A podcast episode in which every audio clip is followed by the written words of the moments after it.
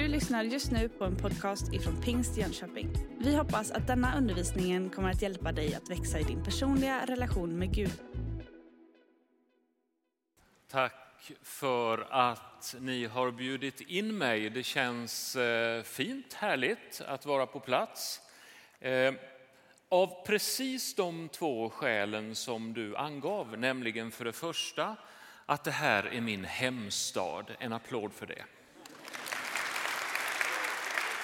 Och att jag faktiskt under min uppväxt var här på ja, 80-talet vid ett antal samlingar i den där sanna ekumeniska andan, att jag var i den här kyrkan.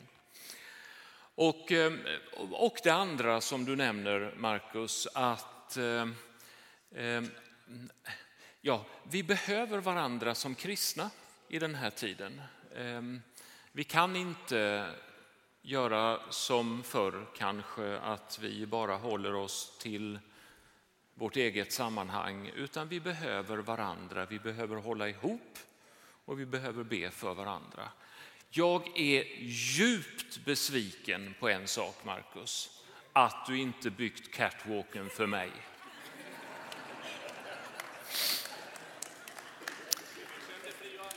Ja, tack så du. Jag stiger väl ut något litet steg så här. Så bra. Hörrni, eh, jag tänkte att jag skulle liksom ha med mig någonting av det som är, det som är min tradition hit till er. Och då är det ju så att i, i Svenska kyrkan så har vi det som eh, vi brukar kalla för kyrkans år, eller kyrkoåret.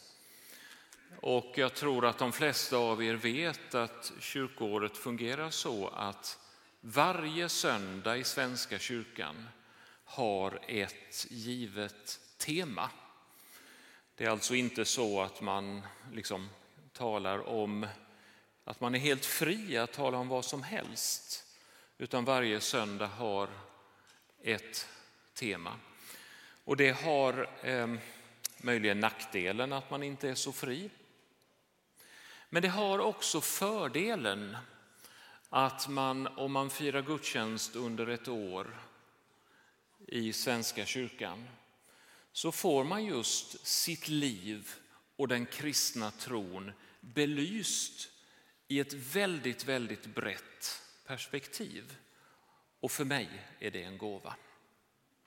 Och då tänkte jag att jag skulle ta med mig det som är min tradition till er på det sättet idag att jag håller mig till det som är temat i Svenska kyrkan för den här söndagen. Så tänkte jag. Det är helt okej. Okay. Vad bra, annars hade jag varit tvungen att gå ner igen. Eh, och då är det så att temat för den här söndagen i Svenska kyrkan är domsöndagen, hörde jag någon säga. Det här är ju den sista dagen på kyrkåret, domsöndagen. Temat för läsningarna är det där svåra temat med domen. Och ordagrant så står överskriften för våra läsningar idag så heter det Kristi återkomst. Så jag har gjort så att jag har valt domsöndagen, domsperspektivet, Kristi återkomst och dessutom har jag valt en riktigt svår text ur evangeliet. För jag tänkte jag ska inte göra det lätt för mig.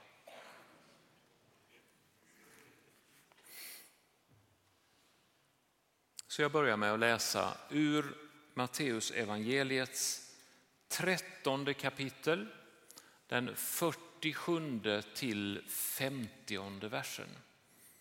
Matteus 13, 47 till 50. Och det här är ingen lätt text. Jesus sa, med himmelriket är det som när man lägger ut ett nät i sjön och får fisk av alla slag i det. När det är fullt drar man upp det på stranden och sätter sig ner och samlar den goda fisken i korgar och kastar bort den dåliga. Så ska det bli vid världens slut. Änglarna ska gå ut och skilja de onda från de rättfärdiga och kasta dem i den brinnande ugnen. Där ska man gråta och skära tänder. Det här är ingen enkel text, jag läser den igen. Jesus sa, med himmelriket är det som när man lägger ut ett nät i sjön och får fisk av alla slag i det. När det är fullt drar man upp det på stranden och sätter sig ner och samlar den goda fisken i korgar och kastar bort den dåliga. Så ska det bli vid världens slut. Änglarna ska gå ut och skilja de onda från de rättfärdiga och kasta dem i den brinnande ugnen. Där ska man gråta och skära tänder. Låt oss be. Herre Jesus Kristus, du möter oss redan här i de människor som hungrar och lider nöd. Herre Jesus Kristus, du ska möta oss som vår frälsare och kung vid livets och världens slut. Till dig ropar vi om barmhärtighet och nåd idag och alla dagar intill tidens slut. I Jesu namn. Amen.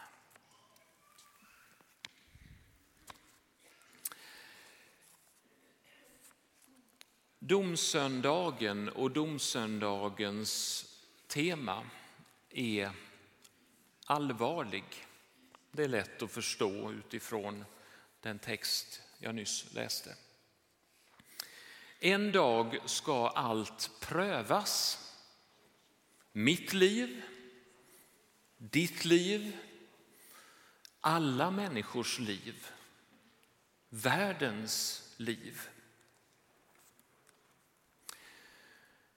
Ibland har domsperspektivet använts för att skrämma. Mustiga domscener och skräckinjagande helvetesskildringar har varit ett maktmedel faktiskt för kyrkan som har använts för att skapa rädsla, att liksom tvinga till underkastelse. Du ska tro annars. Ett maktperspektiv. Min ingång i den här predikan är följande. Det går inte att skrämma till tro. Trons sköra planta Tilliten i våra liv trivs inte där. I rädslans, i skräckens jordmån. Tro och tillit handlar om något annat än att vara rädd. Men vad ska vi då med domsöndagen till? Vad är den bra för? Varför detta allvar? Vore det inte bättre att liksom ersätta den här dagen med någonting helt annat? En söndag med ett lite mjukare, ett lite snällare budskap. Mer lättsamt, liksom behagligare att lyssna till. Har vi inte nog med livets tyngd så som våra liv ser ut? Har vi inte nog med det svåra när novemberdiset och mörkret liksom sänker sig över oss? Tanken på en kommande dom är en viktig del av den kristna berättelsen. Låt oss börja där. I korthet så lyder ju den kristna berättelsen så här. Gud, vår kärleksfulle far, skapar världen god. Så är det tänkt.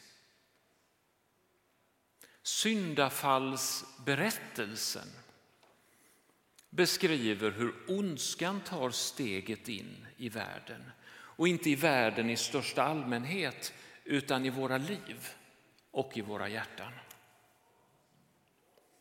När Kristus dör och uppstår, korset det vackra som ni har i er kyrka.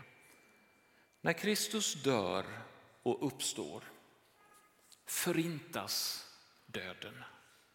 Livet vinner seger. Trots att vi inte alltid ser det, trots novembermörkret i våra liv, så är det så. Vi får hålla fast vid perspektivet att ondskan är besegrad och att Kristus vunnit seger över livet och att det ska visa sig fullt ut en dag. Domen bekräftar något som redan gäller. Livet triumferar, rättfärdigheten ska segra över ondskan. På domens dag ska liksom allt återvända till sitt ursprung. Gud blir allt, överallt, som det står.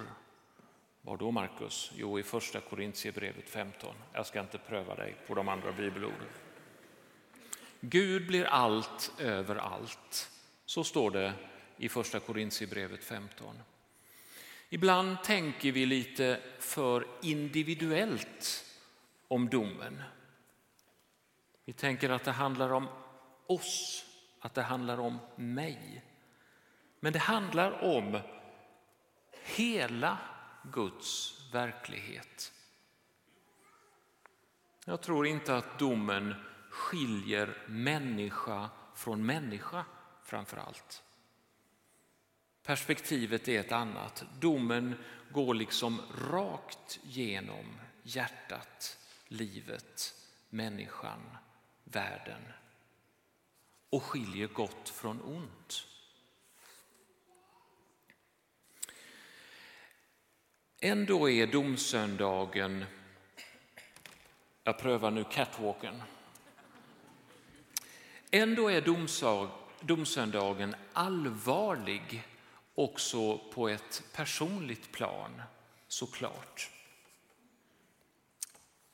Den leder nämligen till eftertanke och frågor av typen Hur ska jag forma mitt liv? Vad är min uppgift? Hur lever jag på ett ansvarigt sätt? Vilka val behöver jag göra? Vilka val behöver du göra just nu för att vara beredd på att lämna? Ibland säger vi att man ska leva varje dag som om det var den sista, eller hur? Frågan är om det går. Är det verkligen möjligt att leva så, som om varje dag var den sista. Ändå är ju orden angelägna, mycket angelägna. För nog vill vi kunna lämna livet om denna dag, om denna vecka är min sista. Så vill jag kunna lämna livet med värdighet beredd. Beredd att möta den uppståndne.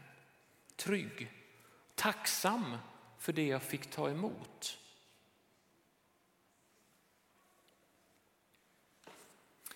Jag brukar tänka att domsöndagen i grund och botten handlar om att Gud räknar med oss. Vi har ansvar för hur vi lever inför Gud, inför oss själva, inför medmänniskan, inför klimatet, skapelsen. Det betyder att våra gärningar spelar roll. Det vi faktiskt gör. Inte det vi säger att vi ska göra. Inte våra vackra ord. Inte det vi talar om. Utan det vi faktiskt i verkligheten gör. På det sättet är domsperspektivet att det finns en sista dag. Något som manar mig till handling, till att göra skillnad, till att bry mig om världen, till att kämpa för ett mänskligare samhälle. Nya testamentet berättar på många sätt om domen och bildspråket är rikt. Ändå är den viktiga texten i Matteus evangeliets 25 kapitel kanske den allra viktigaste. Där Jesus berättar att människan döms i relation till det hon gör. Inte i relation till de vackra orden, inte de stolta avsikterna, utan det jag faktiskt kommer till skott med och gör skillnad i i relation till medmänniskor. Nu måste jag erkänna att som tillhörig en luthersk kyrkotradition så eh, känns det lite svårt för mig att säga allt detta, att tänka så här. För i luthersk teologi finns ju ett så starkt fokus på att rättfärdigheten vinns genom tro och inte gärningar. Det handlar inte om det jag åstadkommer utan om tilliten till Kristus, den uppståndne. Men Matteus 25 ingår i Nya testamentet, eller hur? Matteus 25 är en text som vi måste förhålla oss till som kristna. Vad står det då där? Jo, där står det både att det vi har gjort för någon av våra minsta bröder, det har vi gjort mot Kristus själv. Och, och det är det här som är det jobbigaste, att det vi inte har gjort för vår medmänniska, att det jag inte har gjort för min medmänniska, det har jag inte heller gjort för Kristus. Jag brukar i domsöndagstider eh, ibland stanna upp inför tanken att Gud och medmänniska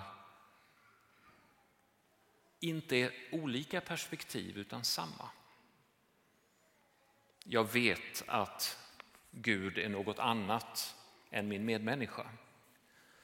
Jag förstår det. Och samtidigt så säger Matteus 25 något annat, den ger ett annat perspektiv. Eller hur? Nämligen att det jag gör mot dig gör jag mot Kristus som är Gud. Och det jag inte gör mot dig gör jag inte heller mot Kristus som är Gud. På ett annat ställe i Nya testamentet eh, står det i, i, lite, lite i samma anda att den som säger sig älska Gud men hatar sin broder eller syster, han ljuger. Det vill säga, jag kan inte säga att jag älskar Jesus och inte bry mig om min nästa. Jag kan inte säga att kärleken till Gud, den är total. Och inte bry mig om den medmänniska som jag har nära mig eller långt bort. Kristus möter oss till doms alltså här och nu. Är ni med på vad jag försöker få fram? Domsperspektivet är närvarande nu och här. Det är hur jag relaterar till min medmänniska idag som gör skillnad. Och om ni lyssnade noga på bönen som jag bad, jag bad ju en innan till bön eftersom jag inte är pingstvän. Ni förstod det va? Jag måste ju hålla mig till det skrivna. Men ni som lyssnade till den bönen, ni hörde att jag bad exakt följande ord. Herre Jesus Kristus, som möter oss redan här i dem som hungrar och lider nöd. Precis detta perspektiv, att vi möter Kristus i vår medmänniska här och nu. Men den där bönen fortsatte med följande ord. Och som ska möta oss. Det finns alltså både ett nu-perspektiv och ett framtidsperspektiv. Kristus möter nu i medmänniskan som lider nöd och Kristus ska möta oss en gång i framtiden. En dag ska allt prövas. Mitt liv, ditt liv, allas liv, världens liv. Och då måste vi ställa den där jobbiga frågan. Kan resultatet bli antingen fällande eller friande dom? För det var ju det texten handlade om. Den svåra texten som har ett så obehagligt slut. Den tvingar oss att ställa frågan. Kan resultatet bli antingen friande dom eller fällande dom? Är utgången dubbel som man ibland uttrycker saken? Evangeliet igen. Änglarna ska gå ut och skilja de onda från de rättfärdiga och kasta dem i den brinnande ugnen. Där ska man gråta och skära tänder. Även om de där orden är smärtsamma och svåra att läsa så tror jag att det gäller som så ofta att inte liksom sortera bort dem för snabbt. Att inte låtsas som att de egentligen inte står där. En av mina Ehm, ehm, en av de som lärt mig mest om förkunnelse och predikan. Eh, han brukade säga så här, predika alltid över det i texten som bjuder mest motstånd. Predika alltid över det i texten som bjuder mest motstånd. Varför då? För att det står där och för att det tvingar mig att brottas med det som är min tro och teologi. Och Bibeln innehåller ju mycket av sånt där som bjuder motstånd. Kristen tro smeker inte alltid medhårs. Svåra frågor måste få ställas. Det är något med den där strävheten som gör allt sammans trovärdigt. När allt inte bara är rosa skimrande och lätt. Utan när det svåra får lov att finnas. Vi vet att det är så i våra egna liv. Att när, det är, när mörker, när sorg, när novembertrycket erkänns så kan tron också djupna faktiskt. Är utgången dubbel. Jag tänker att det är kyrkans uppgift att dröja inför frågan. att stanna upp inför just det allvaret men överlåta svaret åt Gud. Det är mitt perspektiv. Ni får anmäla mig för någon om jag säger något olämpligt, men det är mitt perspektiv. Att läsa ordet, att stanna upp inför allvaret, att våga perspektivet och att göra det som vår tro på djupet handlar om. Överlåtelse i Guds händer av det som är svårast i vårt liv. Jag brukar också tänka att evangeliets ord ska tolkas med hjälp av andra bibelord.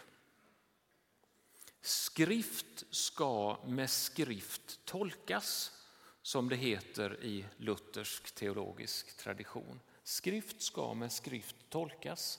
Alltså, vilka andra bibelord behöver jag läsa samtidigt som detta?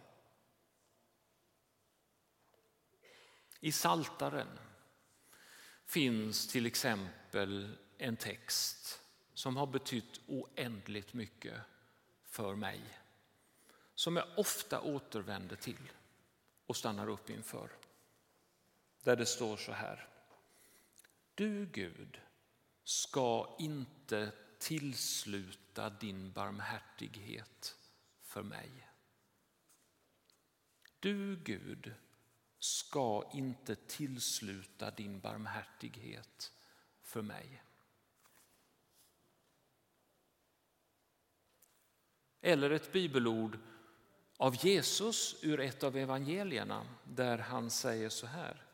Den som kommer till mig ska jag inte visa bort. Så att stanna upp inför allvaret i de texter och det perspektiv som finns på domsöndagen är viktigt. Att, att med frimodighet överlåta det som är svårast i Guds händer. Och att låta skrift tolka skrift. Och faktiskt tänka att de där bibelorden gäller lika mycket. Du ska inte tillsluta din barmhärtighet för mig. Och Jesu ord, den som kommer till mig kommer jag inte att visa bort. Jag tar emot honom. Jag tar emot henne, jag tar emot dig. Det finns en värme i de bibelorden som jag hoppfullt håller fast vid i domsöndagstider, i novembermörkret. En innerlighet som gör att jag känner igen kärlekens Gud. Vi har evangeliet med oss när vi säger Gud avvisar inte. Gud villkorar inte sin barmhärtighet. Den tillsluts inte.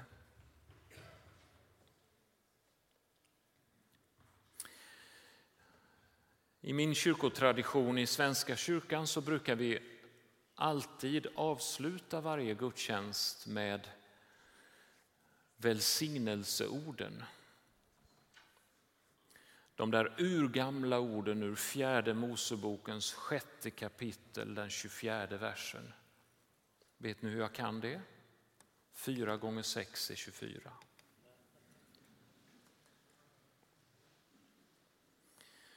Och nu när jag kom hit så berättade Markus för mig att jag får lov att avsluta den här gudstjänsten lite senare med att välsigna er.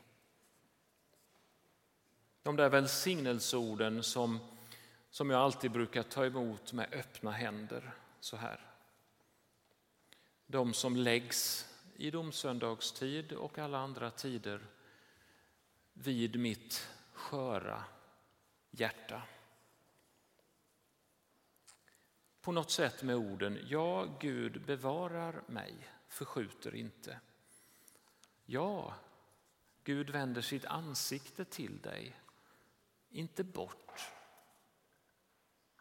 Guds ansikte lyser över ditt och mitt vanliga, skuldtyngda, ljuvliga, plågsamma, smärtfyllda liv. Gud ger frid, skänker nåd.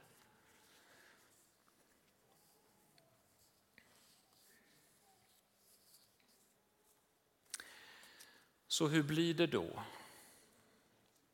Den där dagen när allt är slut. När hela mitt livsförlopp plötsligt ligger bakom. Denna dagen, denna veckan, nästa år eller om jag av nåd får ta emot lite mer liv. Hur blir det då? Då tror jag att jag yrvaket liksom gnuggar mina sömndruckna ögon på uppståndelsedagens morgon. Framför mig står domaren. Han som ser mig och möter mig och omfamnar mig när jag tar mitt sista steg ut ur livet och in i evigheten. Där står domaren som är frälsaren. För detta, mina vänner, det är trons verkliga hemlighet. Att han som dömer mig är Kristus. Att han som möter mig på domens dramatiska dag inte är vem som helst, utan den uppståndne. Att han som ser mig och möter min blick i mitt sista, första steg är kärlekens Gud, den barmhärtige som inte tillsluter sin nåd utan tar emot mig med öppen famn. Den som prövar mitt liv och ditt liv och allas liv och världens liv. Det är han som försonat allt.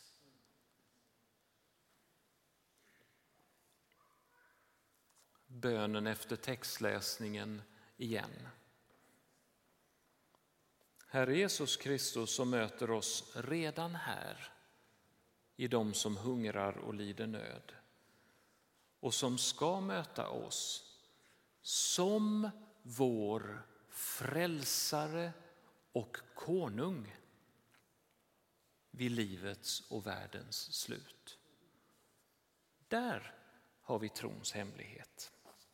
Därför kallas den här dagen i många kyrkotraditioner inte domssöndag utan, vet ni vad? Kristus konungens dag. I många kyrkotraditioner inte domsöndag utan Kristus konungens dag. Och nu klappar det lutherska hjärtat lugnare. Rättfärdigheten beror inte av mig utan av Kristus. Han som i tillvarons mitt har förankrat ett kors och gjort det som behövs för mig, för dig, för alla och för världen. Slutet gott, allting gott, så kan det kanske låta. Men i domsöndagstid så tror jag att det gäller att hålla ihop de här olika perspektiven som jag har predikat om. Uppmaningen till självprövning. Hur har jag det i mitt liv? Och tilliten till Kristus. I själva verket är det ju när vi bottnar i Guds nåd som de sträva, jobbiga frågorna kan tas om hand av oss. Ni vet de där frågorna som jag började med. Ja, men hur ska jag forma resten av mitt liv? Vad är min uppgift? Vilka val behöver jag göra för att jag ska vara beredd att med värdighet kunna lämna mitt liv? När jag går till sist genom dödens tunna hinna och sömndrucket möter Kristus där på tröskeln till evigheten. Då är det inte mitt goda, väl genomtänkta, dugliga och moget förankrade liv som står i centrum. Det är mitt liv som det är. Och Kristus som står i centrum. Han som möter mig. Jag lämnar allt. Allt. Utan att vara färdig med mitt liv. Och så tar jag det där sista steget. Inte ut på en catwalk, utan rakt in i den uppståndes kärleksfulla famn. Och det, om något, är evangelium. Låt oss be.